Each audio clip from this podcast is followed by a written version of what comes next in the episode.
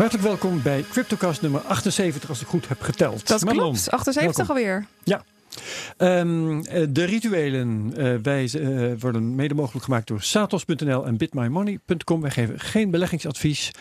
Eh, dat is dat. En we hebben een hele fijne gast voor de derde keer al. Volgens mij is Simon Lelyveld de eerste die voor de derde Tweede keer volgens mij, Herbert. Nee hoor, nee, ik heb nog niet het uh, Nog niet voor de derde derde paaltje keer? nog niet gehaald. Volgens, mij, nee. volgens mij de tweede keer. Dat ga ik dan later nog eens natellen om eventueel me gelijk of me ongelijk te halen.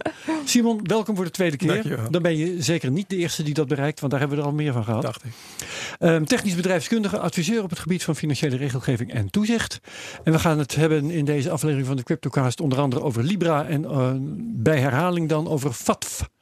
De Financial Action Task Force Ja. en de voorschriften waar, eh, die we allemaal aan die club te danken hebben. En daar hebben we het natuurlijk vorige keer uitgebreid eh, over gehad. Dus daar gaan we nu nog eventjes weer naar terug. terugblik Ja, en dan ja. gaan we vooruit naar de Nederlandse Precies. regelgeving die eraan komt. Gaaf, Ja. leuk. Ja. Heel goed. Ehm, nieuws. Marlon, wat is jouw nieuws? Ja, zal ik even beginnen met, eh, met mijn nieuws, Herbert. Er is eh, afgelopen vrijdag behoorlijk belangrijk nieuws naar buiten gekomen. Of althans, belangrijk nieuws. Er is een, eh, een directeur van, ehm, van een centrale bank geweest die een interessante uitspraak deed. En ik volg natuurlijk de centrale banken op de voet. Ik bekijk wat ze doen. En ditmaal was het Mark Carney, de president van de Britse centrale bank. En die deed een opvallende uitspraak. En ik zal het er even bij pakken.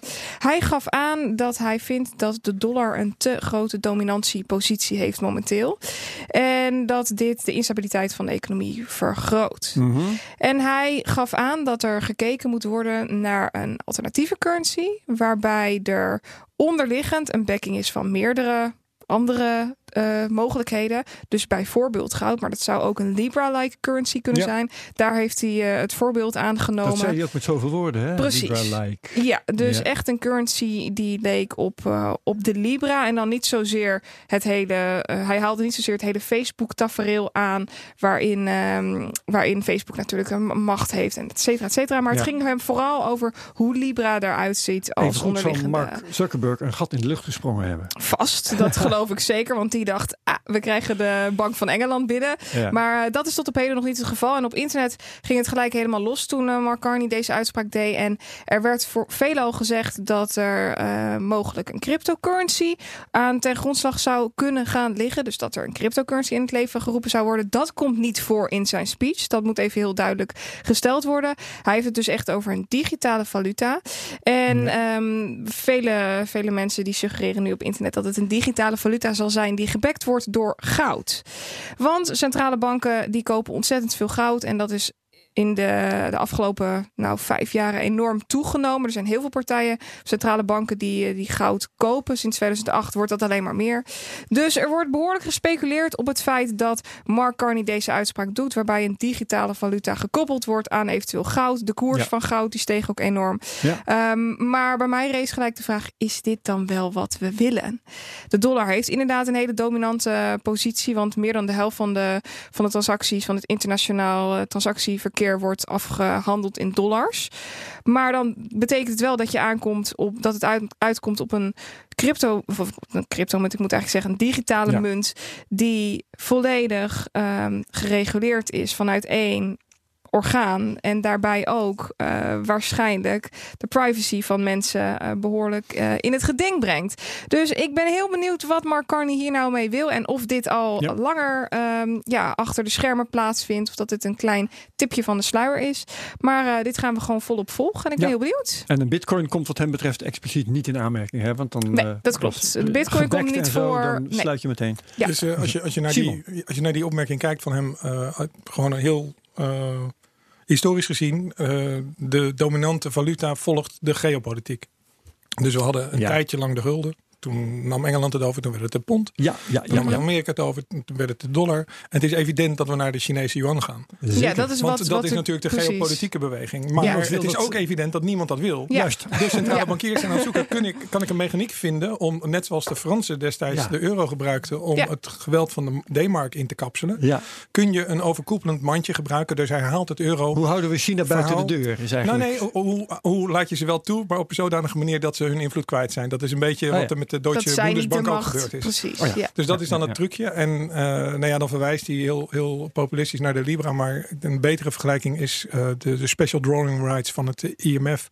Dus een bepaald soort, ehm, ja, je zou kunnen zeggen virtuele eh, geld of, of eh, kredietfaciliteit die aan het IMF is. En eh, Wim Boonstra heeft daar ook over geschreven van ja, als je, als je die lijn doordenkt, dan zit je, dan zit je heel dicht op een potentieel bruikbaar iets. Dus, Ja. eh, maar het is heel interessant, want je ziet iedereen nu opeens duiken naar al die mandjes van valuta. En als je dan nagaat wat hoort daar dan onder te zitten aan geopolitieke beweging, dan hoort er onder te zijn eh, te zitten dat je het politiek met elkaar eens bent. En als je één ding ziet in de wereld is dat iedereen met elkaar vechtend over tafel gaat.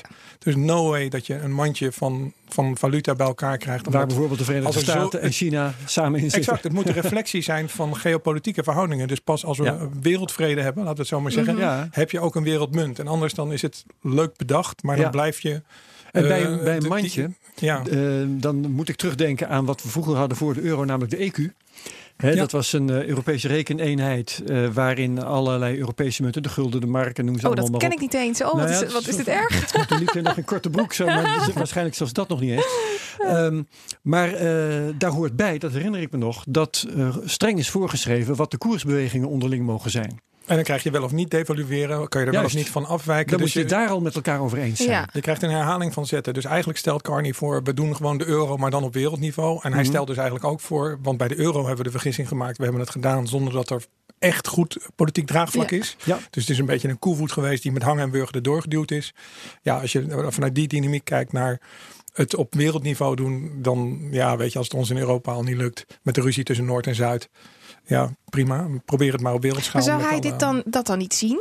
Dat het met de euro ook niet gelukt is? Waarom oppert hij dan alsnog dit idee? Dat, dat begrijp ik niet Nou, helemaal. Ik moet heel erg zeggen dat eh, heel lang geleden rondom elektronisch gelddiscussies Mervyn King van de Bank of England ook allemaal eh, eh, knuppels in het hoenderhok gooide. Mhm. Eh, dus ik plaats het een beetje in een Britse tradities van knuppels in Ja. het hoenderhok gooien. en daar zijn ze vrij goed in volgens mij op dit moment. Ja, ja, ja. dus, eh, Maar dus een beetje laat ze lekker vrij associëren, denk Ja. ik dan. Eh, dat, eh, maar de gedachte is, is Dat de euro is mislukt, dat is, dacht ik, niet zo relevant voor deze discussie. Want het gaat om het nou, hij is samenstellen niet van helemaal een mislukt. mandje. Hij is en niet het- gelukt, hij is Nee, niet mislukt. Maar Hij is er nog, de maar- euro- wat ik wil zeggen is, de euro is niet relevant. Want het gaat niet om een wereldmunt. Maar om een mandje waar je een of ander eh backingsysteem achter plaatst. En hè, dus, dus, dus de euro is wat dat betreft geen juist vergelijkingsmateriaal, of wel? Nou, dat, dat, misschien voert dat te ver voor deze cryptocast. Daar, Oké, daar, daar zouden we nou, Vanuit geopolitiek kunnen perspectief, eh, jij bedoelt meer de on, het onderliggende, ah, eh, hoe noem je dat? Eh, dat Ik het vind- ge- gebackt is, dat het gekoppeld is aan een bepaald. Ja, ik- vind de Valuta met of- die EQ, Ja. jij dus nog Ja, die EQ is een mooie, mooie vergelijking. En, en eh, wat ik zeg, maar goed, we hebben, ja, Ja, dat voert ver. Ja. Het, het voor, Ja. voor, voor. Weet je wat ik doe? Eh, ik geef jou gewoon de kans, Simon, om jouw nieuws nu te lozen. Oh, oké. eh, nieuws, eh, nieuws van de week. Eh, de Zwitserse toezichthouder heeft eh, twee eh, banken een vergunning gegeven. En niet alleen als bank, maar ook als eh, securities operator. Dus als bevoegd op eh, kapitaalmarkten. Ehm, de ene bank die heeft een vergunning met een sterretje erbij. Onder voorbehoud van nog alle laatste papieren invullen. Kunnen we misschien in oktober aan de slag. En de andere heeft dat voorbehoud niet. Eh, dus het is heel interessant dat die toezichthouders er toch alle twee op hetzelfde moment die publicatie eh, doet. Van nou, ze krijgen alle twee die vergunning. En dat is in een soort poging om niet de ene te bevoordelen voor de maar de andere. vergunning om wat te doen maar. precies? Eh, zowel bank zijn als ehm, securities regulator. En Ja. beide hebben eigenlijk de propositie om digitale assets eh, te verkopen in een retailfront. Eh, dus aan, aan alle, alle consumenten om crypto te, te bewaren. Dus de ene partij is een combinatie van een vermogensbank met een techniekspeler. Die in feite gewoon voor ho- hoogvermogende klanten mogelijk maakt om hun bitcoins aan te houden.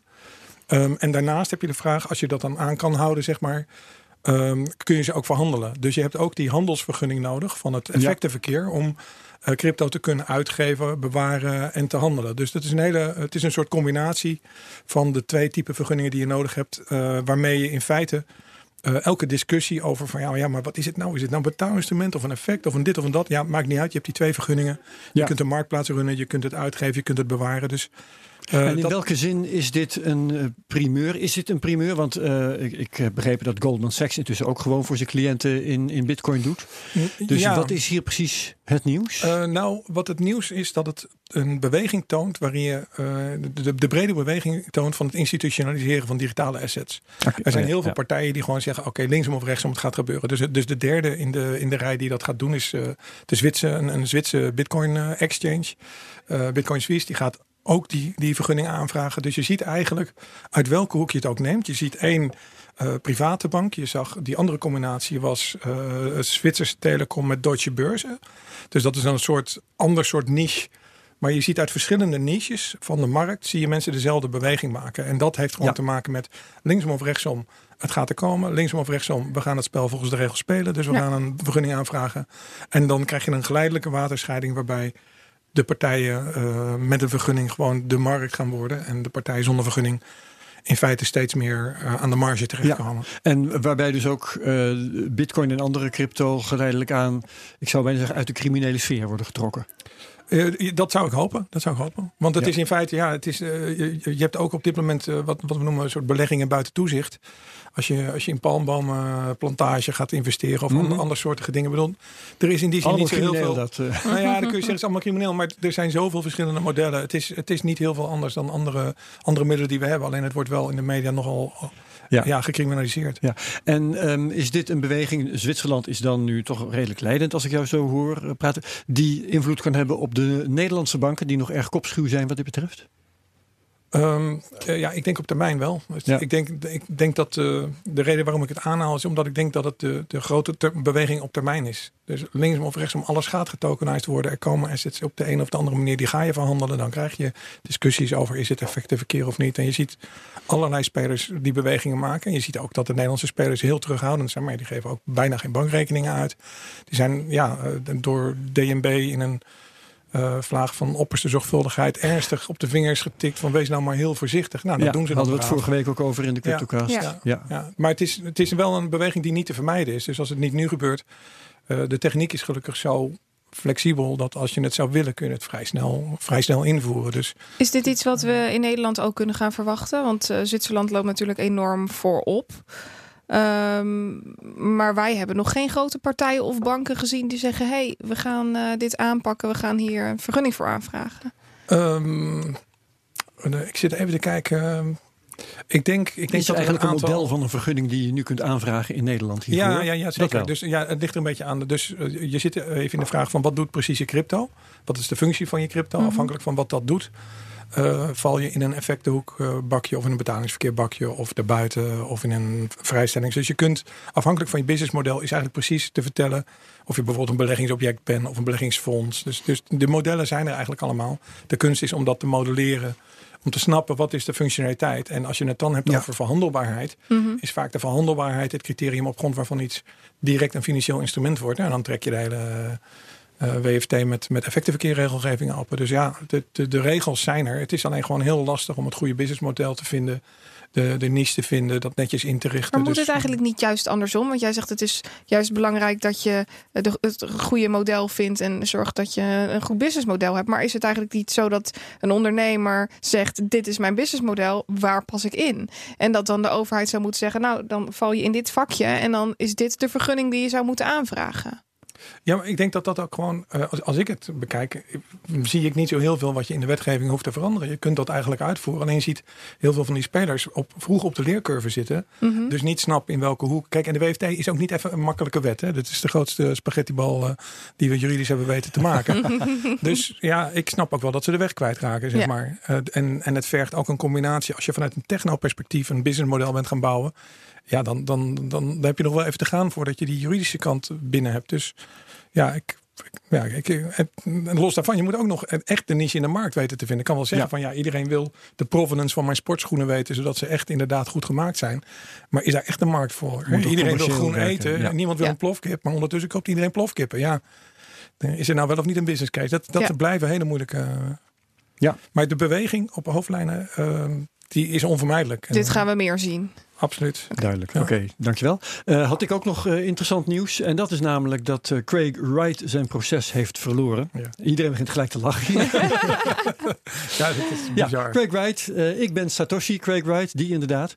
En ehm, hij had een eh, juridisch geschil met een van zijn, zijn cronies van voorheen. Eh, de, de inzet was 100.000 bitcoin. Eh, dat was toch het juiste, of was het nou een miljoen? Volgens mij ging het om een miljoen. Een miljoen bitcoin. Ja, in ieder geval uh, het bedrag in dollars waar het om ging was uh, 5 miljard. Ja, klopt. Uh, dus het gaat, het gaat, om de helft van een miljoen bitcoin inderdaad. Naar de huidige koers.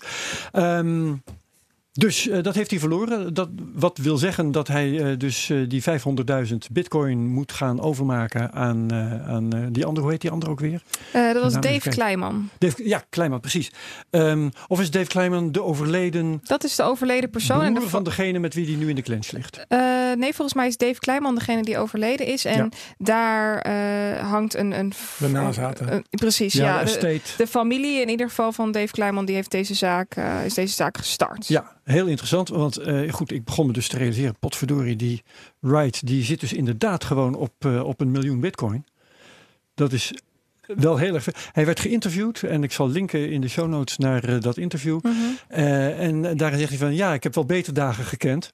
Maar hij is dus echt van plan om die 500.000 bitcoin te gaan overmaken. Ja, dat moet ook. Ja, nee, dat, dat moet ook. Dat is hem opgelegd. Maar, duizeling. Ja, maar hij was er als een die man heeft een miljoen bitcoin. Ja, maar dit is nog maar de vraag of hij dat heeft. Oh ja, nou ja, ik had niet de indruk dat hij dat nou te vuur en te zwaard ontkende. Nou ja, als hij Satoshi is, dan kan hij toch gewoon aangeven dat, hij, uh, dat, dat hij dat is. En, en daardoor gewoon even een transactie ondertekenen en that's it. Maar ja. hoe komt hij anders aan een miljoen bitcoin? Uh, er zijn niet veel mensen die een miljoen bitcoin zeggen. Hij is, hij is niet eens Satoshi en toch heeft hij een miljoen bitcoin. Dat kan niet. Dat kan niet volgens jou. Dat kan niet. Dat geloof ik niet. Ja, Nou, ik, denk dat, ik denk dat. Uh, ja, goed. Ik, uh, ik geloof dat ik Arjan van Weer hoorde zeggen van eerst het Genesis-blok uh, de handtekening Precies. demonstreren. En ja. dan pas ga ik na, verder nadenken. Ik denk dat dat. ja, bij deze, ja, de, de ja. rechter die heeft met zoveel woorden gezegd. je hebt ons hier oplopen lichten met strijdige getuigenissen. Dus als een, als een rechter gewoon zegt: je bent niet betrouwbaar. dan denk ik dat dat bevestigt wat eigenlijk de rest van de community al ziet. Het, is, ja. uh, het hangt van onzin aan elkaar, die man. Maar ja, ja dat, dat mag, dat is niet verboden. Althans, ja, dat, dat, levert je af en toe een slechte uitspraak van een rechter op. Dus als ik dan leer, dan leer je dat vanzelf. Dan, uh, dat hij geen Satoshi is, dat was mij wel duidelijk. Maar uh, hij, jullie zeggen ook, hij heeft dat miljoen bitcoin helemaal niet. Het is gewoon ruis. Alles wat daar gebeurt rondom hen is, is ruis. Hij heeft een ja. beetje dat spel gehad met die Kelvin R. Waarin Kelvin R. misschien dacht van nou... Een van die theorieën is dat ze op een hele ingewikkelde manier proberen om uh, geld wit te wassen van Kelvin R. Die dat uh, via uh, casino's dan allemaal te veel illegaal geld heeft. Maar als die nou erin slaagt om Wright te positioneren als de uitvinder van, van de bitcoin, dan kan opeens de source of income van. Precies. en, de, en dat de hele bitcoin case dat een, een, play zou zijn geweest in die richting. Ja, ja, ja. weet je, ja. Dan ja. is dat opeens. het, is wel heel, het is wel heel leuk om te lezen allemaal. Zo, maar het, het, is, het is eigenlijk waste of time. ja. Maar ja, het nou, komt er dus wel op neer dat, dat, geweest. dat, Ja, maar het is leuk. Ja, het, is ja. leuk. ja. ja. het is leuk om, om te lezen. En het gaat wel om een van de grootste zaken met de grootste boetes in de geschiedenis van heel crypto. Um, dus dat is, dat is mijn inziens wel, wel gaaf om te volgen. Maar wat er dus inderdaad wordt gesuggereerd is dat Greg Wright die uh, bitcoins, die 1 miljoen bitcoins eigenlijk niet had. Hij heeft geld omgezet in bitcoin. Mhm. En daarmee probeert hij nu te verantwoorden dat hij Satoshi is. Want daarom is het logisch dat hij 1 miljoen aan bitcoin heeft. Maar alsnog, als hij niet Satoshi is, hoe kan er dan iemand in vredesnaam aan 1 miljoen bitcoin nou, komen? de Ik snap winkelvostjes hebben een miljoen bitcoin. Hè? Hebben dat die een ja, ja, miljoen ja, Ja, Ja, ja, als je nou gewoon vroeg begonnen was, gewoon als, uh, als uh, rijke investeerder, gewoon vroeg beginnen en permanent elke Ja, maand als kopen. rijke Wat investeerder. een groep, wat ja. een groep partijen gewoon als systematisch heeft 100.000, gedaan. hè. ja, In Pantera Capital hebben ze dat gedaan. Die hebben ze gewoon een hele bulk van die uh, uh, investeerders in New York, die zijn gewoon blind, zijn ze gewoon gaan kopen vanaf een bepaald moment. En ja, die, die hebben vast wel uh, een bakje liggen ergens. Ja. Maar uh, stel hij betaalt niet, Herbert, wat gebeurt er dan? Um, nou, uh, niet zoveel, denk ik. Uh, dat juridisch weet ik dat niet. Ik Ja. neem aan dat hij dan in gebreken blijft. uh, en wat dan het vervolg is, dat weet ik niet. Ik vond het veel interessanter eigenlijk um, Want daar werd ook over gespeculeerd. Wat gebeurt er als hij wel betaalt? Want dan zouden namelijk de ontvangers opeens belastingen moeten betalen. Ja. eh, eh, voor een eh, niet kinderachtig bedrag. Namelijk ongeveer de helft van wat ze ontvangen. Ja. En dat is dan de tegenwaarde van eh 2 miljard dollar die ze moeten inleveren. Wat in, En voor van bitcoin dus. Bitcoins moeten verkopen. Precies. Wat weer allerlei effect op de koers zou hebben. Ja. Maar na jullie woorden over hij heeft dat toch niet, ben ik daar weer stuk geruster op. Nou, stel hij heeft het wel, dan kan het inderdaad een, een koersreactie teweeg brengen. Maar dat, dat, dat zal niet meer zijn dan eh 15, 15, 20 procent. eh, als je ongeveer Nou, 2 dat is toch miljard eh, dumpt dan? op de markt. Ja. Ja. maar dat is dan iets tijdelijks. Ik bedoel, dat, dat hoort erbij. Dat is niet iets waar we, Dat is ook weer waar. waar, wa- wat we niet kennen in deze markt. Het is crypto dus. Ja, ja Maak je dus me niet zo jij ligt daar niet wakker van. Nee. Nee. Nou, ga dan maar vertellen over de prijzen van nu. Oh ja, dat zal ik even doen. Want we hebben een, eh, een kleine tik naar beneden gekregen. Dat ik. Ik heb mijn, eh, mijn lijntje van mijn driehoek ietsje naar beneden geschoven. En die zit nu op het laagste punt eh, wat kan. Dus ja, mocht, eh, start je verhaal in. Ja, precies. Dus mocht de koers nu nog onder de... Ik ga even precies kijken waar die onder de 9280 komen ongeveer. Mocht de koers daaronder komen, dan gaan we terug. En dan gaan we fors terug. Dan kunnen we wel 3000 eh, dollar omlaag. Eh, maar vooralsnog heeft de koers dus, eh, dus nog steun. En we kijken nu aan tegen eind september, begin oktober... waar een, een kant gekozen moet worden. Dus eigenlijk precies hetzelfde verhaal als vorige week. De koers kan omhoog en de koers kan omlaag. Ik kan niet in de toekomst kijken. Maar dat er een forse koersbeweging aankomt, dat is helemaal duidelijk. Omdat we aan alle indicatoren zien. Aan het volume wat lager wordt, volatiliteit wat lager wordt. RSI die heel erg in een, eh, in een punt gedreven wordt. En hetzelfde geldt voor eh, de koers van Bitcoin. Dus eh, er wordt strakjes een, een, een ja, behoorlijke opwaartse of neerwaartse beweging Ja. verwacht. Maar eh, wanneer dat precies zal zijn en ehm, of dat omhoog of omlaag is, dat kan ik niet, eh, kan Ja, ik niet zeggen. Maar ik weet niet of het nou vorige week was of de week daarvoor dat je zei van nou ja, de koers is wat gezakt, maar eigenlijk gaat alles nog volgens plan. ja, klopt. Ehm, Nog steeds. Ja, maar je hebt wel iets aan je lijnen moeten sleutelen. Ja. Wat betekent dat het nog niet helemaal volgens plan gaat. Ik heb doorgaans een lijn meelopen over de bodies van de candles. En een candlestick grafiek die Mhm. bestaat uit een, een hoogkoers, een laagkoers en een open koers en een slotkoers. Ja. Waarbij de hoogste koers een, een streepje is. En dan de body van de candle is dan de open en de close. En ja. het onderste streepje is dan de low. En meestal pak ik de lijntjes op de bodies. Dus ik tel dan die uitschietertjes omhoog en omlaag. Die tel ik niet mee. van de dag. Ja. Ik heb hem nu wel meegepakt. Ik heb dus nu wel de eh, onderste lijntjes meegetekend. En dat is ook handig om je stoploss op te kunnen bepalen. Op basis daarvan kun je ongeveer 2, 3, 5 procent daaronder gaan zitten. En dan speel je sowieso eh, op safe. En dan wacht je dus op het grote volume. Want dat heb ik nu ook niet gezien bij deze uitbraak. Het, was, het volume was heel laag. En pas als je echt groot volume ziet, dan eh, bevestigt dat een uitbraak. En dan gaat de rest ook mee. Mensen die nu aan het wachten zijn op die uitbraak. Oké, Zo simpel is het. ja. Nou, dan ga ik nu met jullie microcashen. Ja, laten we dat doen. Ehm, nou ja, dat, vanwege de gedaalde koers is het, hoewel het valt ook weer erg mee hoor. Als je het week over week bekijkt, dan valt het toch telkens erg mee. We zitten nu drie procentjes lager dan een week geleden. Eh, ik noteerde vanmorgen een koers van net iets minder dan 9600 dollar. Dat betekent dus dat ik 96 dollar ga cashen. Eh, mijn totaal gecashed komt daarmee op 1026. Dat is eh 19% van het ooit ingelegde bedrag. Best veel al. Eh, ja, ik, en ik zit qua eh gecashte bitcoin op, ehm, even kijken, 8,5% ongeveer. Dus ja, en dat, Hm, dat is in overeenstemming positief. met het Ja. feit dat ik nog steeds op zo'n beetje 100% winst Ja. sta. Eh, het idee was natuurlijk dat al microcashing dat die koers een beetje zou oplopen. En Mhm. dat eh, gebeurt voorlopig niet. Maar verder eh, gebeurt er eigenlijk ook helemaal niks wat heel erg slecht is. Dus dat is het. Ik neem 0,904 bitcoin mee naar volgende week. Ja. En even kijken. Dat wordt dan. Deze week was de tiende keer cashen. Dus na tien keer heb ik nog 0,904 bitcoin over. Nou, dat is het eh, verhaal. Gaan we verder met eh, Simon. Ehm, zullen we eh, om te beginnen het FAT, hoe spreek jij het eigenlijk uit? FATF? Ja, FATF. Of Dat kan ook nog. FATF. Ja, ligt een. Financial FATF, Action ja. Task Force. Leg nog even uit wat het ook weer was.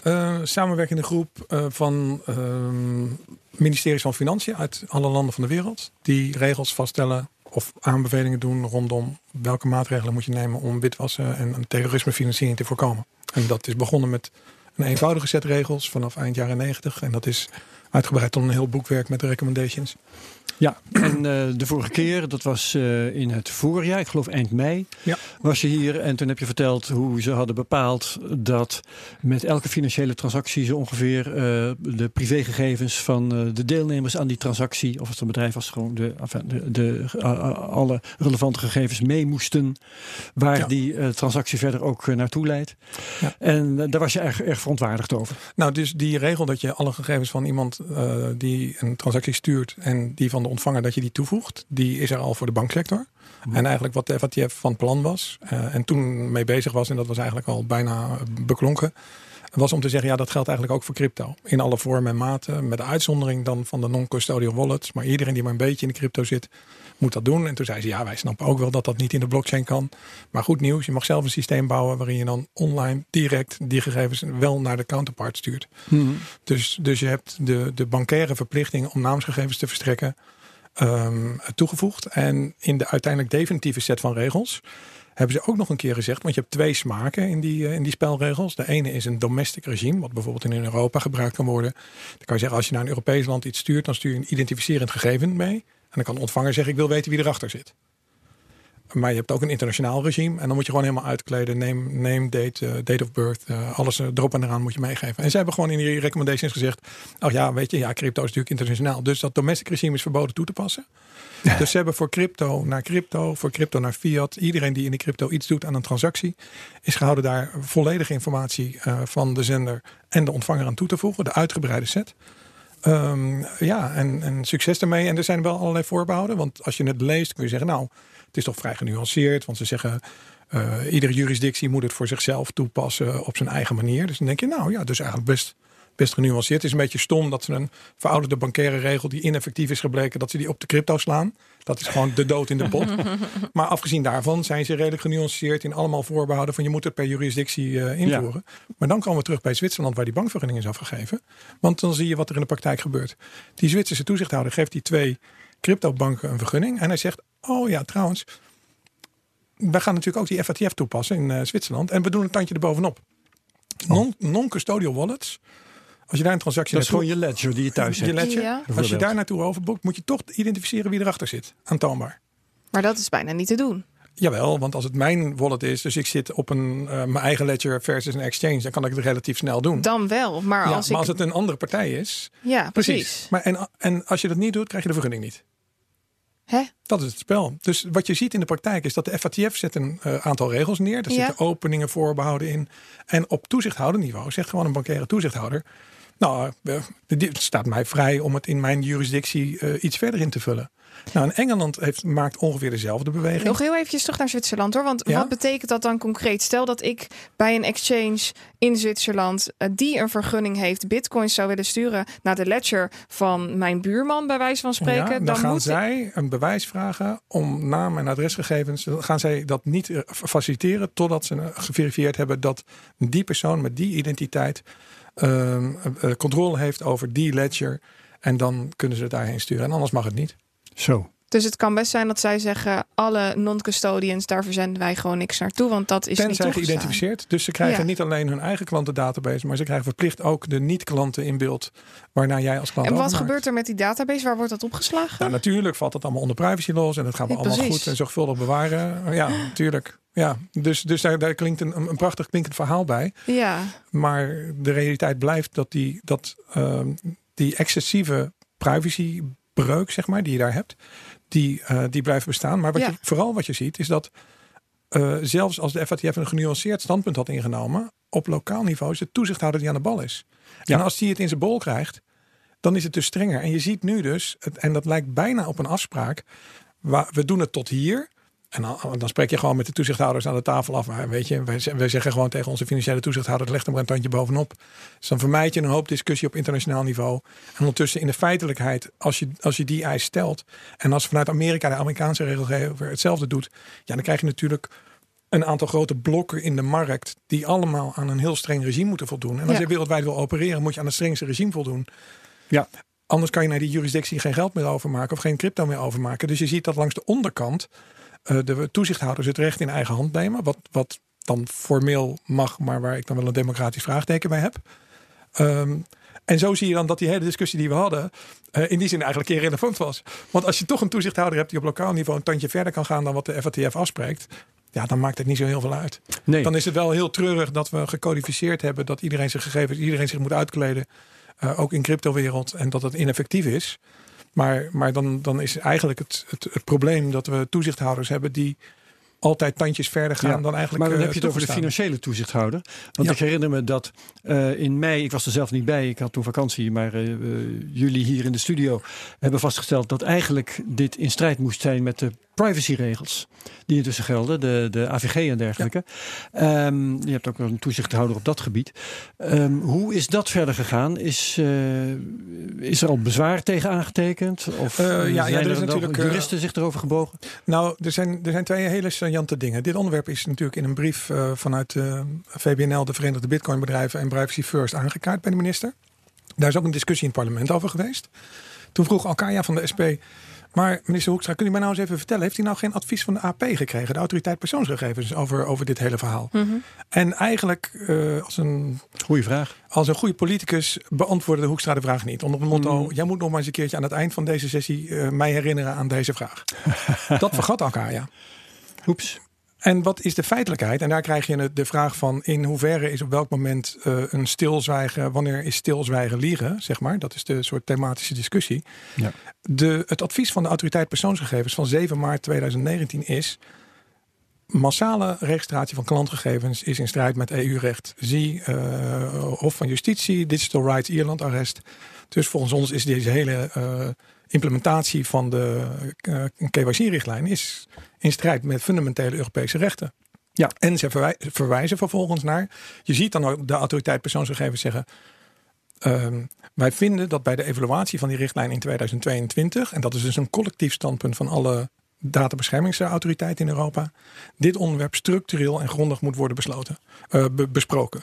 Dus je ziet dat ze hun kruid droog houden. Je ziet dat de AP niet zegt van deze wet mag je niet invoeren, want dit zijn gewoon twee strijdige grondrechten Ja. die eigenlijk Mhm. uh, bestaan, zeg maar. Maar ze zeggen eigenlijk, ja, dit mag gewoon helemaal niet. Dit is strijdig met de, met de wet. Maar die discussie gaan we in 2022 op Europees niveau voeren. Dat is een hele tijd na nu. Ja, maar, dit, het- en, en, maar Er het is wel heel veel heel, voldongen feiten liggen. ja, maar het is wel heel belangrijk om eigenlijk die discussie. Want, want je zit eigenlijk met dat hele KYC-raamwerk uit de jaren 90 of 2000. De tijd dat er vrijwel geen mobiele telefoons waren, dat er geen camera's waren, geen gezichtsherkenning.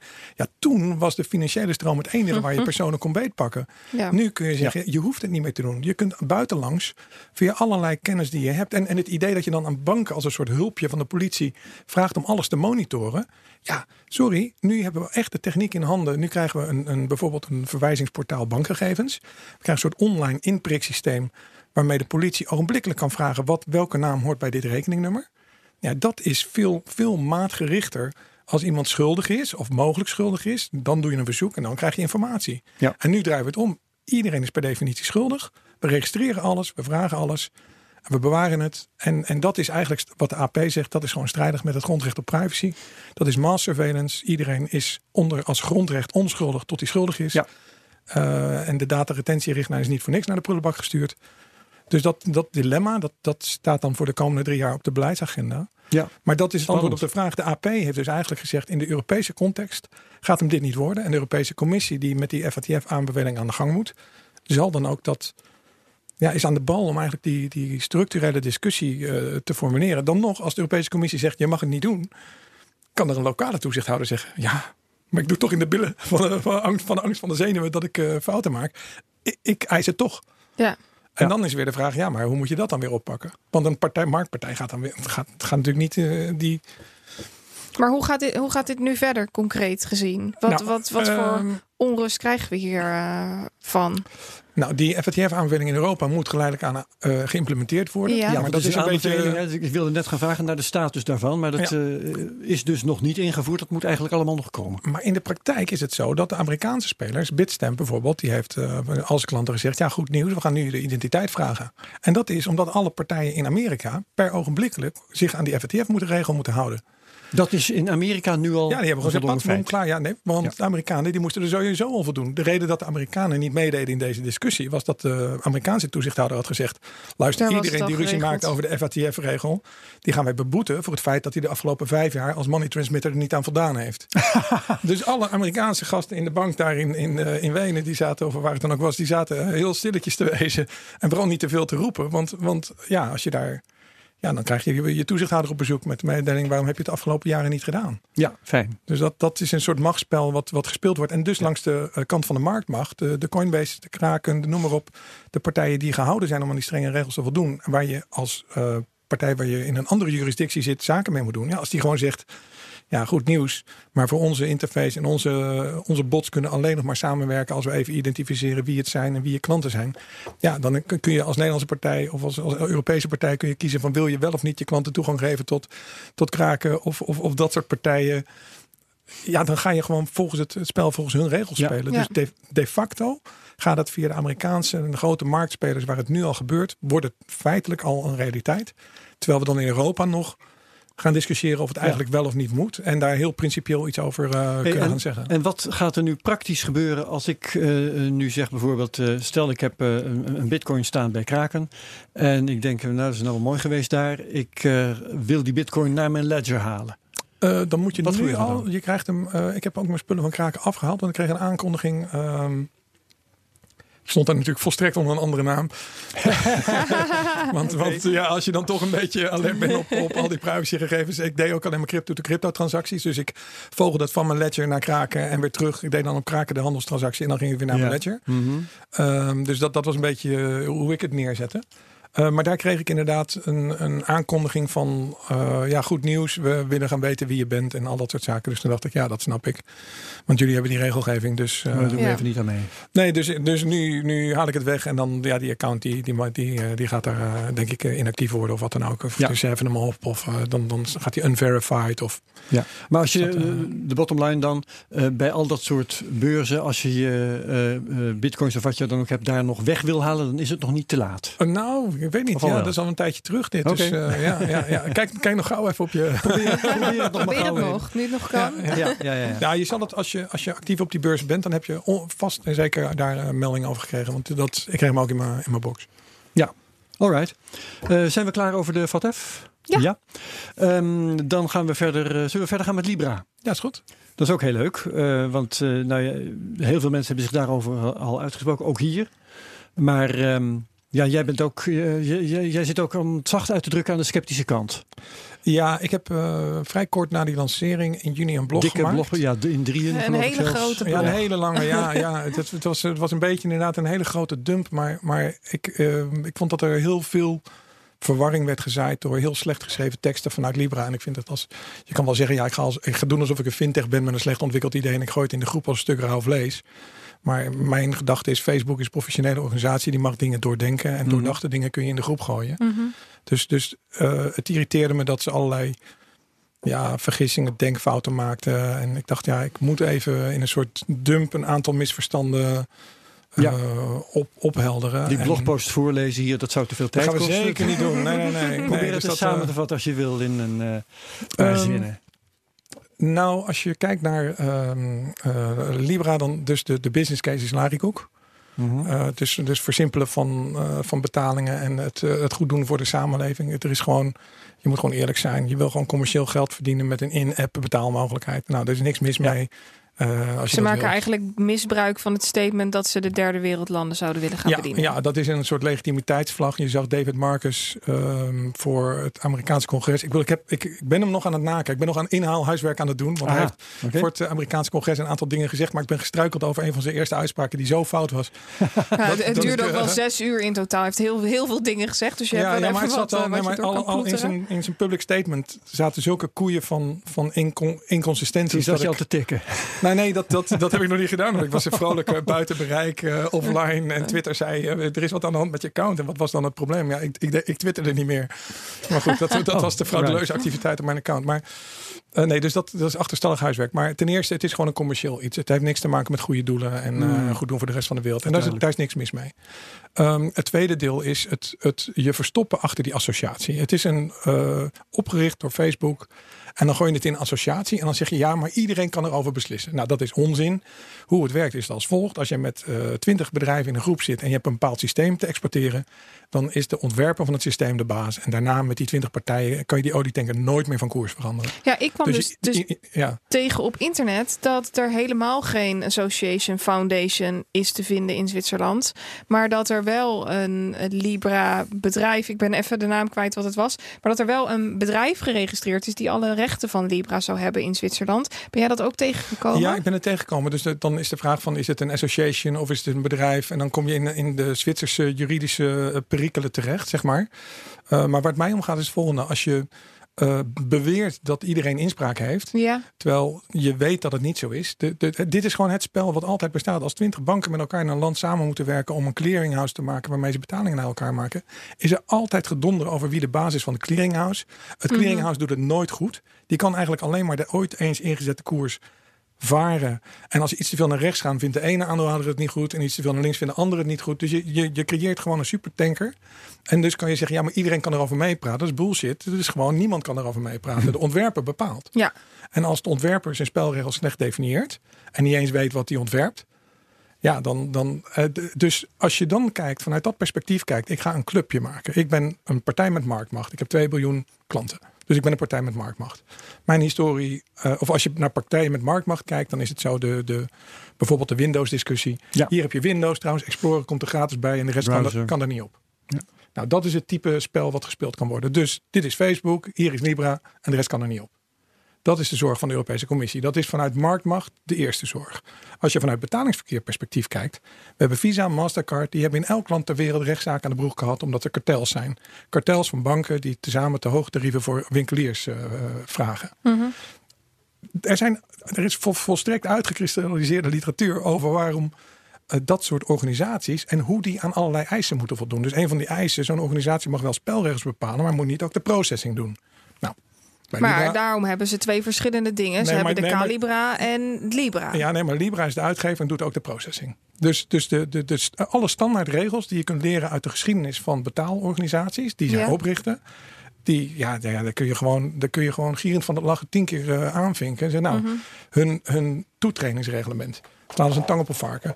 Het, uh, het, kijk, die Visa Mastercard, die hebben het risico uh, gezien van ja, je moet voorkomen dat, dat uh, banken onderling een samenwerkingsafspraak maken over tarieven. Dat is altijd de discussie. Hè? Van dat tarief voor de creditcard 3%, 5% hebben ze samen afgesproken. Dus de winkelier kan niet onderhandelen. Dat is het competitieprobleem. Ja, ja, ja. Nou, dus dat, dat wil je niet. Um, en dus heb je toetredingscriteria om lid te worden van Visa Mastercard. Die niet gebaseerd zijn op of jij veel of weinig klanten hebt. Gewoon objectief. Jij bent die partij, je hebt je vergunning. Je kan kiezen om deel te nemen. Er zijn drie modellen. Uh, volledig lid, klein lid, linkslid, rechtslid. Maar dat zijn hele objectieve criteria. Over, uh, als, als ondernemer? Als, onder, als bank, als financiële instelling kun je lid worden van Visa Mastercard. Ja. Dus er zijn heel, heel regels over hoe je dat objectief doet. En wat doet Libra? De Libra Association zegt, ja, je komt er niet in als je niet groot genoeg bent. Je moet wel marktmacht hebben. Dus voor een organisatie die uh, het risico loopt om beschuldigd te worden van marktmacht, een toetredingsregel neerzetten waarin je zegt: je moet wel heel groot zijn, anders mag je niet meedoen. Ja, dat is, dat is appeltje eitje. Dan ben je zo mee klaar. Maar hebben ze dat gezegd? Ja, dat staat er met zoveel woorden in. Je moet een uh, groot stempel hebben. Dus, dus, okay. dus, dat, dus ze steken bijvoorbeeld al hun kop in de antitruststop. Ja, wat, er, wat er niet wordt uitgelegd, of onvoldoende wordt uitgelegd, is dat je een primaire en een secundaire markt hebt van Libra. Mm -hmm. Dus Libra wordt alleen verkocht aan tussenpersonen en de tussenpersonen gaan hem doorverkopen. Ja. Nou, dat betekent dat je dus die hele tussenpersonen discussie uit de effectenverkeer naar je toe haalt.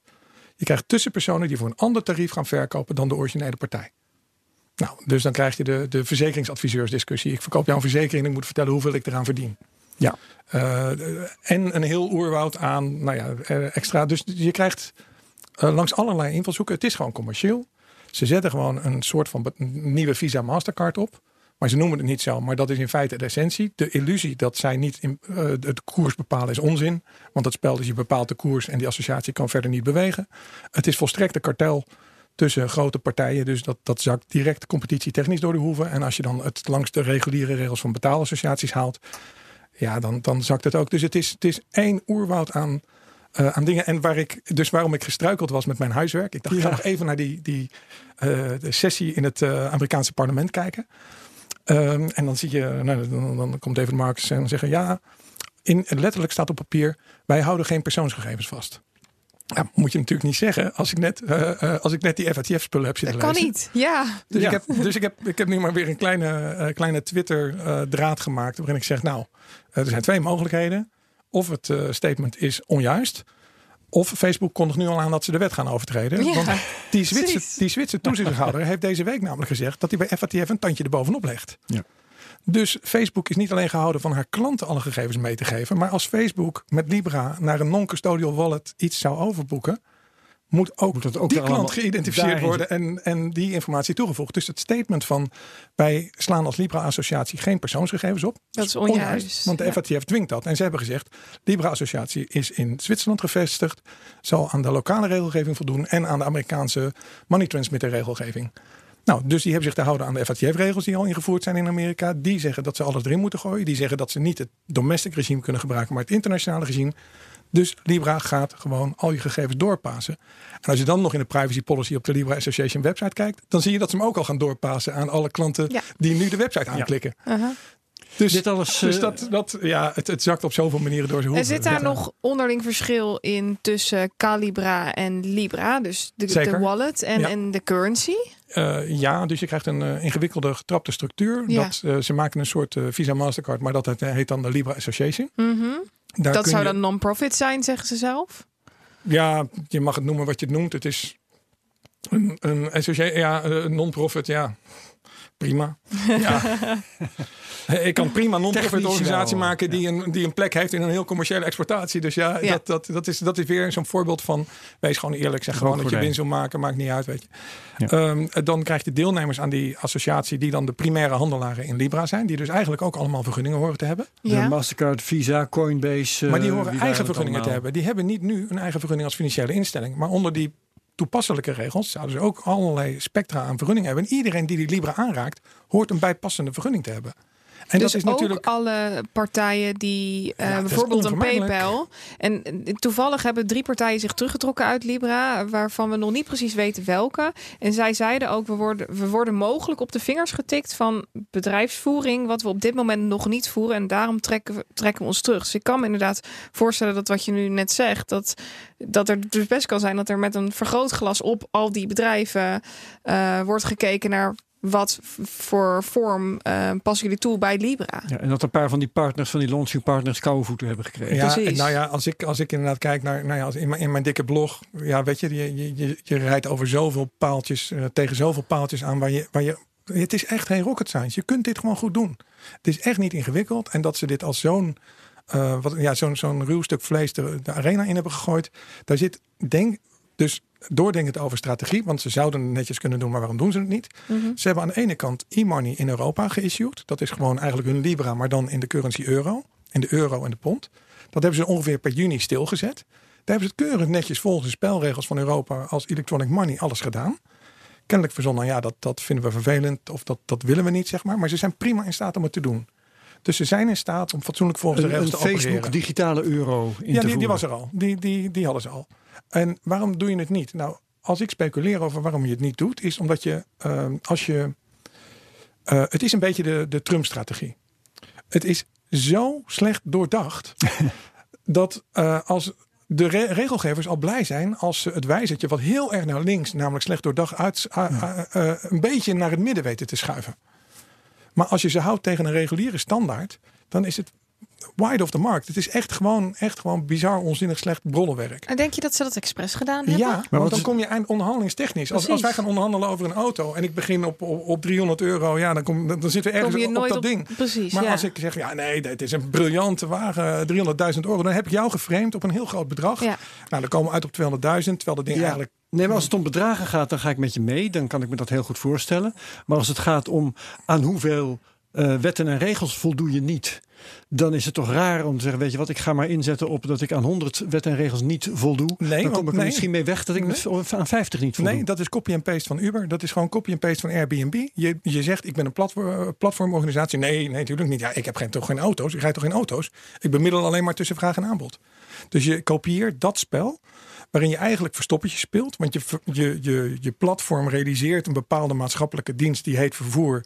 Maar je vindt dat de mensen die deelnemen zelfstandige werknemers zijn. Die, hè, dus die hele Mm, discussie ja, krijg je. Ja, ja, ja. De hele essentie van de, bedrijfsstrate- van de bedrijfsstrategie van dat soort partijen is dat ze zich een bal aantrekken van de bestaande regelgeving. Volledig doen alsof ze een platformpje zijn met, met open source en iedereen blij, deeleconomie, allemaal mooie goede doelen.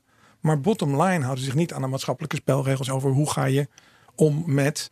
Nou ja, en dan krijg je al die ruiseffecten rond, rond de taxi versus. eh, Ja. eh, En wat voorspel jij dan precies? Dat er inderdaad eh, een eh, Libra uitkomt die eh, werkelijk aan een aantal regels die we nu kennen niet voldoet, maar die gewoon een voldongen feit zal zijn?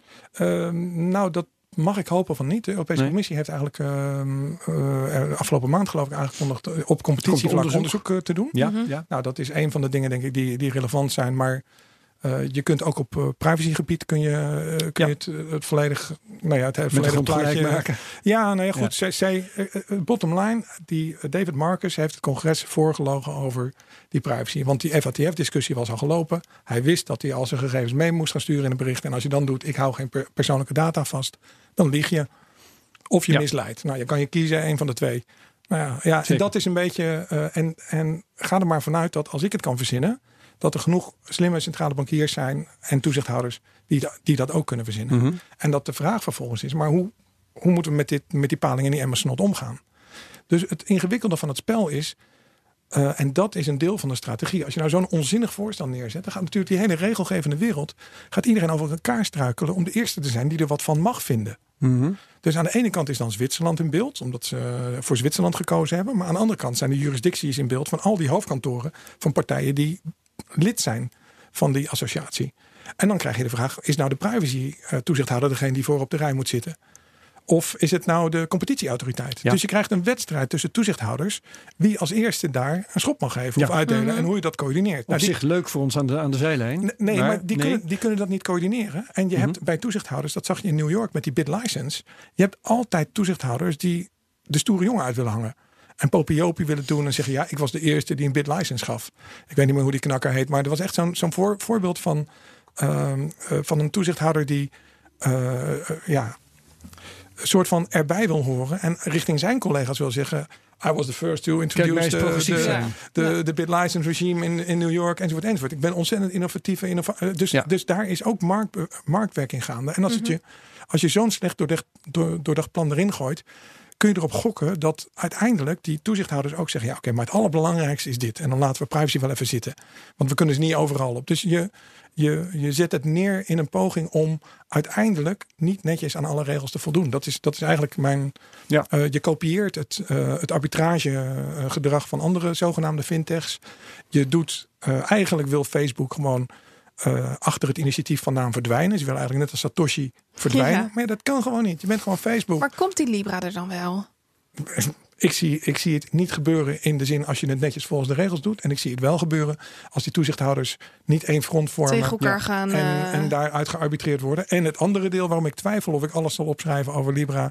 Is omdat ik denk ze zitten gewoon te, te cherrypicken op alle respons die er in de wereld is over dat onderwerp. En dan kun je de beste ideetjes eruit halen. En dan ga je daarmee verder. En denk van ja, ik ga niet gratis productontwikkeling voor, eh, voor Facebook doen. Want ik denk dat zij een hele denk, grote denkfout hebben gemaakt. Maar die ga ik er maar even niet in een blog zetten.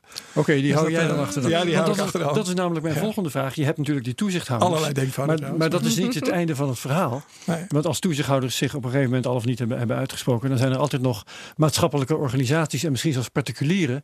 Denk aan die Oostenrijkse student die op Ja. een gegeven moment Facebook op de knieën heeft gekregen. eh, die eh, eh, kunnen afdwingen via de rechter of via wat voor procedure dan ook om de regels zoals ze werkelijk zijn toch nog te laten naleven. Ja, maar ik denk dat het uiteindelijk tijdelijk is. En dat eh, bij Facebook de vraag is eh, welke tegenkracht van hetzelfde soort niveau. Dus die student die Ja. krijgt even het recht aan zijn zij. Vervolgens wordt er eh, hup en dat en zus en zo. Dan krijg je een of andere politiek compromis afspraakje, een nieuwe afspraak op. En daarna kunnen ze gewoon vrijwel op dezelfde manier verder gaan, maar iets anders ingekleed. dus, dus je kunt, dat zijn vaak gewoon Pyrrhus-overwinningen als je het als individu zo neerzet. Dus je kunt het alleen hard houden als je een stevige uh, equivalente partij hebt. En de tegenbeweging die je ziet nu bij de centrale banken, de voor, beweging vooruit, wij moeten het zelf doen. Waar, waar, waar, waar dat domein soort van eerst van ja, dat, we onderzoeken het wel min of meer over zelf een munt moeten doen, maar misschien ook wel niet. Nou, daar zie je nu iedereen getriggerd door, oké, deze impact, dit moeten we voor zijn. Dus laten we hier op de rem stappen en laten we zelf op het gaspedaal drukken en onderzoeken hoe we als, digitaal, als centrale banken naar digitale versies van onze munten kunnen gaan. Ja. En dan maakt Mark Carney een, een, een, extra sprong. Ehm, van ja, we, je kan datzelfde model hanteren. Ja, dat kan, maar dat, dat zie ik niet per definitie helemaal zo gebeuren. Ja. Um, ik voorstellen om dit uh, hierbij af te ronden? Want we hebben nog iets om uh, over te praten en dat, is, dat heet AMLD5. Uh, dat is een notitie die uh, in de Tweede Kamer is verschenen uh, over witwasperikelen. Um, Leg mij uit, het is een, een, een, document waarnaar wij kunnen linken, waarin allerlei partijen zich uitspreken. Wie heeft dat document geproduceerd en wat is de rol ervan? Oké, het, do het, document dat heet eigenlijk het verslag van de parlementaire inbreng.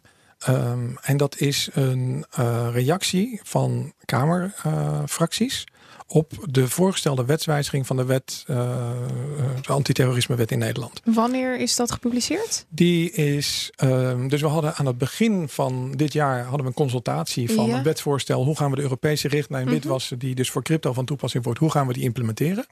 Nou, er zijn allerlei marktpartijen die hebben erop gereageerd. De autoriteit persoonsgegevens heeft gezegd, nou ja, überhaupt strijdig met, uh, met de privacyregels, maar die discussie ja. doen we later. Ja. De Raad van State heeft uh, in de tussentijd uh, in vervolg op, die, op dat wetsvoorstel gezegd, ja, sorry, sorry minister, het gaat hier over, je hebt het hier over vergunningsregime, maar de richtlijn zegt heel duidelijk registratie. Er is geen ruimte voor een vergunning. Dus dat pas je maar even aan. Nou, wat de minister heeft gedaan in de zo, uh, voor de zomervakantie. Hij zegt, oh, oké, okay, het mag dus geen vergunningsregime zijn. Nou, dat is makkelijk. Dus copy-paste. Uh, vergunning wordt registratie. En hij voegt een aantal extra regels toe, waardoor een feitelijk toezichtregime ontstaat. Dus voor de, naar de vorm heeft hij een registratie. Uh, dus, dus hij noemde het eerst vergunning, terwijl het keurig netjes qua wetstekst een registratie was. Mm -hmm. Toen zei de Raad van State: het mag geen vergunning zijn, want die ruimte heb je niet. Er is geen ruimte voor prudentieel toezicht in zovergaande. Uh, of zo'n vergunningsachtige setting. Ja. Toen heeft hij gezegd, oké, okay, dan maak ik de registratie. Maar in die registratie verwoordt hij die eis op een zo'n manier... dat bijna de WFT wordt geïmporteerd. En daar heeft eigenlijk de Raad van State inhoudelijk van gezegd... dat kan niet. Dus bijna een copy-paste uit de WFT. Hij, hij noemt het de registratie, maar het is de facto veel meer een vergunningsregime... dan het daarvoor was. En over dat vergunningsregime had de Raad dat, van State gezegd... niet. dat mag helemaal niet. Ja. Wow. Maar dus als je het woordje vervangt... En dat is de truc die hij nu probeert uit te halen. Van ik heb het woordje vervangen en nu maar hopen uh, kijken of de fracties aanslaan. En in die inbreng, in dat inbrengverslag zie je een aantal fracties, um, waaronder D66 en GroenLinks aanslaan en Die zeggen: wacht even, vragen over ben je nou het bordje aan het verhangen en eigenlijk het omgekeerde aan het doen? En wie is hier nou? Waarom doe je dat eigenlijk? En dan Ja. zegt de minister in de memorie van toelichting: ja, ik doe dat vanwege de consultatiereacties. Ik denk, nou ja, de grootste consultatiereactie die je kreeg was van de Raad van Raad State. van State. Eh, interessant wat andere mensen vinden, maar dat is toch wel een eh, partij met een speciale statuur. Dus hij heeft uh, rond juli heeft hij die nieuwe wetsvoorstel heeft hij, uh, de, de, groep ingegooid. In dat oude wetsvoorstel zaten allemaal technische aberraties en dingen die niet klopten. Nou, het merendeel is er allemaal uit. Mm -hmm. uh, er zat ook een, een, alvast een soort voorloper op die FATF-discussie in. Die is er ook allemaal uitgesloopt. Dus ze hebben heel veel van de onwerkbare teksten hebben ze eruit gehaald. Maar wat, het, wat dus het andere deel is wat naar voren komt, is dat het simpele registreren als je voldoet aan de eisen, kom je in het register. Dat is de opdracht vanuit de EU. Nou, dat, dat wordt het niet. Want hij zegt ja, we gaan ook de aandeelhouders van, uh, van crypto-exchanges eens even controleren of ze wel uh, betrouwbaar zijn. Nou, dat staat, dat staat niet in de EU-richtlijn. En hij, hij zegt ja, er komt ook een regel in dat als de structuur van zo'n holding waarin een cryptobedrijf zit, als die een beetje te ingewikkeld is, zodat DNB geen toezicht kan houden, dan, dan gaat hij ook de registratie niet krijgen. Nou, dat is letterlijk een vergunningseis uit de WFT. DNB kan een vergunning weigeren als iemand een heel ondoorzichtige corporate structuur Was dus heeft. al zo. Nou, nee, hij De kopieert WFT een mag niet van WFT-regel naar, ja. naar de WWFT. Dus, dus, Ja. dus, Ja. ja. dus hij, hij gaat echt over de schreef. En dan zie je dat in de hoeveelheid dingen in de vakantieperiode, dan is het maar altijd maar even afwachten. Dus je hebt een aantal fracties die redelijk actief hebben gereageerd. Mhm. Maar ja, weet je, een aantal andere partijen die, die hebben überhaupt niet gereageerd. Dus het, het document is eigenlijk de reactie van het parlement op het nieuwe wetsvoorstel van de minister. Ja. En dat nieuwe wetsvoorstel van de minister heeft. ehm, Ja, ja dat, dat, dat is toch een beetje. eh, het is een soort alsof. eh, eh, hij heeft een tik op de vingers gekregen. Je mag geen vergunningsregime invoeren en hij trekt zich er niks van aan. En, en dan kom je terug bij die vraag. Als je nou een vraag krijgt als minister Hoekstra in het parlement van, van heb- heeft de autoriteit persoonsgegevens advies ge- gegeven en je zwijgt daarover, terwijl het advies van de AP is deze wet is eigenlijk strijdig met de Europese privacyrechten. Als je nou een brief krijgt van Marktpartij en Privacy First van vertel ons nou eens hoe het zit met privacy. En je hebt dat advies van de autoriteit persoonsgegevens al in je zak en die hele brief is dat antwoord niet te vinden. Ja, ik vind dat kwestieus. Ik Denk je dat dit expres wordt, eh, wordt ik- verzwegen? eh, ik denk dat eh, het spel is, je moet het handig door het parlement loodsen. En als je het handig doet, dan gaat er niemand aanslaan. Maar ik vind dat je als ambtenaar en als minister een eergevoel moet hebben. En ik spreek de minister aan op dat eergevoel. Want ik vind het echt bizar dat je gewoon als je zo'n zwaarwegend advies van de AP hebt... dat je daar het antwoord niet op geeft. En dat je weigert die vraag die gesteld is door marktpartijen te beantwoorden. Dat, dat kan gewoon niet. En dat, Ja. het is super slim. Ik zag hoe hij het deed in de Kamer. Hij deed dat super handig. En een heel handig spel manoeuvreert hij zich zo het bootje de haven in. En als het bootje in de haven ligt, dan krijg je dus in Nederland niet een registratieregime. Maar iets wat registratieregime is, een vergunningsregime is, waarin DNB onbeperkte bevoegdheden heeft om willekeurig een soort WFT-achtige regel in te voeren. Want ja, je moet een integer en beheerst bedrijfsbeleid voeren. En waar, dat- waar gaat dit nu naartoe? Dat is de vraag, want het ligt, eh, de minister mag nu antwoorden. Precies. Uh, Ja. En de sfeer van de, het inbrengverslag van de Tweede Kamer is van nou, als je ons een netjes antwoord geeft, dan gaan we het in stemming brengen. Dus Ja. dat, dat klinkt dan een beetje als. uh, nou ja, niet echt controversieel, niet iets waar we super veel, veel tijd aan gaan besteden. Dat, dat is natuurlijk aan de politiek om, uh, om te kijken uh, ja, hoe, hoe zwaar laat je dat wegen. D66 zet heel sterk in op die privacykant. Die zegt daar, daar wil ik het fijne van weten. Ook CDA zegt daar nog wel iets over. Mhm. Um, GroenLinks accentueert veel meer die vergunningsdiscussie. Die zegt van ja, dit, dit snappen we eigenlijk helemaal niet. En de SP die beweegt naar, ja, moeten ze het eigenlijk überhaupt niet in de WFT? Dus die draait het bijna om, zeg maar. Maar dat kan Ja. natuurlijk niet, omdat de Raad van State heeft gezegd dat dat niet de bedoeling is. Dus zo heb je een, een palet aan, aan visies. En is, is maar even de vraag. Uh, en dan zie je de VVD, die, die vanuit een soort dinosaurus uh, wereldbeeld denkt dat de cryptobedrijven in Nederland op dit moment nog geen enkele controle uitvoert. En prima die regel, lekker doorgaan. Uh, soort van, ja, dat, die heeft gewoon niet in de gaten dat als je, uh, als je je bankrekening wil houden als cryptobedrijf, dat je, dat je ja. zeg maar Aan dat moet doen moet wat in deze wet Precies, staat. ja. Namelijk heel erg goed weten wie je klant zijn en je transacties monitoren. Dus Eh, dat, dat is echt zou- fascinerend. Hoe zou jij willen dat die, dat die regel wordt toegepast? In een ideaalbeeld. Ehm, nou, er is eigenlijk de, er was een formulering in die geconsulteerde wetstekst. Ja. Namelijk, je krijgt een registratie als je laat zien dat je aan een regeltje A, B, C, D, E, en E en F voldoet. Dat waren hele concrete eisen uit de WFT. Ja, dat was eigenlijk prima tekst. Er was niks mis mee. Alleen het enige wat er mis mee was, is je krijgt een vergunning. Nou, als je dat woordje vergunning vervangt door registratie, dan ben je er. maar er is een heel ander, ander pad op gegaan. Er is een pad op gegaan waarbij gedelegeerde bevoegdheden aan DNB worden gegeven. Er wordt gezegd, je moet een integer en beheerst bedrijfsbeleid hebben. Nou, dat is zo'n breed begrip. Ja, dat is een toezichthoudersbegrip. Maar dat is een heel breed begrip waardoor je gewoon, nou, simpel geformuleerd, IRE heeft het niet. Want anders dan hadden ze ook niet die boete gekregen. Dus het is, een, het is een vlag waaronder je eh, zegt, je organisatie moet structureel goed in elkaar zitten. Er moet dit, er moet dat. En, en waaronder je ook die extra eisen kan stellen aan de aandeelhoudersstructuur en, en type organisatie. Maar ja, dus weet je, dus dat nog staat strenger allemaal... dan bij een bank. Uh, Dat is dan waar nee, op neer zou Nee, komen. dat niet. Dat zal het in de praktijk kunnen zijn. Ja. Maar, maar vergelijkbaar met een bank. En dan, uh, ja, waar de Raad van State zegt... Ja, het is toch relatief simpel. Je pakt de EU-richtlijn, de eisen en je zet die registratie neer.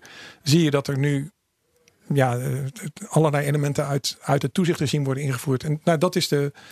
Uh, we weten nog niet hoe dat loopt. Waarom maken ze het dan in vredesnaam zo moeilijk, zo lastig? Ze kunnen toch gewoon die regeltjes overnemen waar je het net over had. En in plaats van een vergunning um, gewoon een registratie ervan maken. Waar, waarom doet de minister daar zo lastig over? Um, ja, ik denk dat uh, de minister de oren laat hangen naar de angst die gevoeld wordt bij de toezichthouders. Ja. Dat Hm. is wat ik denk. Want als je ziet de uh, visie van DNB en AFM van begin dit jaar over crypto en regelgeving. Uh, daar had je kunnen verwachten dat ze zouden zeiden, zeggen. Um, nou, kijk, die AML D5 die komt eraan. We gaan zorgen dat al die cryptospelers aan allerlei eisen voldoen. -huh. En dat betekent dat we wat relaxter kunnen zijn in Nederland. Van, we hebben dus gewoon een aantal risico's hebben we gewoon gemitigeerd. We, hebben die, we kennen die partijen, we zien wie het is, we zien hoe het werkt. En dat zal dan ook voor banken de mogelijkheid geven om wat relaxter om te gaan. Want die willen nu natuurlijk geen rekening geven, want het is gewoon een onbekende entiteit. Maar dan he, hebben die banken gewoon de zekerheid dat ze onder toezicht, die hoeven gewoon Ze kunnen hun eigen vragen stellen en ze kunnen checken: is iemand geregistreerd bij. DNB? En Ja. DNB heeft dan gecheckt of dat goed is. Dus dat kaf gaat zich van het koren scheiden. En zo komen we in een wat genormaliseerd vaarwater terecht, zeg maar. Vergelijkbaar met die Zwitserse beweging. Het is gewoon een gegeven feit. Dit komt dus. Vind een modus om er wat mee te doen. En wat mij opviel in januari was dat die AFM-DNB-statement was. En nog steeds blijft onze waarschuwing van eerder van kracht. En dat was de waarschuwing uit 2014. Bitcoin is eng, brand je handen er niet aan. En dus, dus daar zie ik een, een, eh, een overmatige eh, zorg. Schrikreactie meer. Ja, ja, een gecontinueerde zorg. En Ja. dat kun je dan Ja. weer plaatsen in het licht van de hele discussies rond eh, ING en het witwassen bij banken. Eh bottom line van die discussies is dat eh, er speelden al heel lang eh, ehm, eh, KYC-issues. Ehm, je zou. ik hoorde in ieder geval iemand tegen mij zeggen van, nou ja, bottom line, DNB heeft gewoon gefaald in toezicht en het Openbaar Ministerie heeft het overgenomen. Ah ja. En eh, nu is DNB in het kader van de revanche duidelijk bezig om te laten zien Wie de basis, ja. ja, dat ze wel heel nadrukkelijk daar toezicht op houden. En als je in die context zit als toezichthouder, dan ga je natuurlijk niet even relaxed achteroverleunen bij Bitcoin Hoe, ehm, of crypto. Zeg maar. Ja. wanneer bereikt deze discussie het volgende stadium? Ehm, De minister eh, is nu weer aan zet. Ja, de volgens minister is aan zet. Ja. En, dan, en dan mag de Kamer eh, vervolgens kijken naar wat ze van zijn antwoorden vinden. En enig idee wanneer de minister die zet gaat doen? Eh, nee, dat, Nee. eh. Ik, kan, ik kan niet in zijn Nee, nee, nee. Soms staan er termijnen voor. agenda. Nee, ja, daar zullen inderdaad wel, wel termijnen voor, eh, voor bestaan. Dus dat, dat is gewoon even afwachten. Ja. Maar er is nog wel wat, eh, als ik het samenvat, wel. ehm, je kan zien dat de verschillende Kamerfracties op een verschillend kennisniveau zitten. Oh ja. En dat, dat, dat is jammer, want dat betekent eigenlijk dat je langs elkaar heen praat. En als dat het geval is, dan krijg je niet een, een duidelijke visie terug. En dan vergroot het de kans dat de minister het voorstel zoals het nu is, er een beetje Ja. min of meer eh, ongewijzigd door weet te krijgen. En, Ik weet niet of je, of je wil beantwoorden, maar welke Kamerfracties hebben de juiste of, of, of de meeste kennis? Eh, ik vond, als ik keek naar de inhoudelijke reacties, dan zag ik eh, vooral GroenLinks, D66 en SP eh, met goede gedetailleerde vragen komen. Eh, los van het gegeven dat je ideologisch misschien een andere kant uit zou kunnen denken. Maar ja. dus, daar zie je dat ze ehm, zich hebben verdiept in het onderwerp. Ze, eh, ik vermoed dat ze ook de consultatiereacties erbij gepakt hebben. Dus dus ja, daar zie je enige diepgang in, in benadering, zeg maar. Dus dat, dat, dat is positief. En een aantal van die andere partijen, die zitten wat meer op afstand. VVD en CDA wat meer op afstand. En de overige partijen zijn überhaupt niet aan zet geweest in Hm. de discussie. Oké, ehm, dan laten we het hierbij. Ja. En eh, als dit een volgend stadium bereikt, dan eh, denk ik dat we je gewoon weer over de vloer vragen. Yes. Oké. Simon Heel Lelyveld, goed. hartelijk bedankt. Rest mij nog te zeggen dat we volgende week een podcast hebben met een oude bekende ondernemer, ondernemer Herman Vissia. Die was hier eerder. Ja. Ehm, heeft toen verteld hoe hij aandelen van zijn eigen bedrijf had getokenized en nog allerlei andere dingen meer. Onder de Ehm, noemer STO, Security Token Offerings. Ja, en dat is het onderwerp ook waar we met hem over gaan praten. Yes. Volgende week. Prima. Ehm, vind je de Cryptocast geweldig? Laat dan op iTunes, als je daar eh, naar onze podcast luistert, een review achter. Dan kunnen andere liefhebbers ons beter vinden. Ehm, en je kunt natuurlijk ook op Twitter eh, onze podcast delen met de mention at CryptocastNL. Dat is namelijk onze Twitter-handle. Hartelijk bedankt nogmaals. En graag tot de volgende Cryptocast. Dag.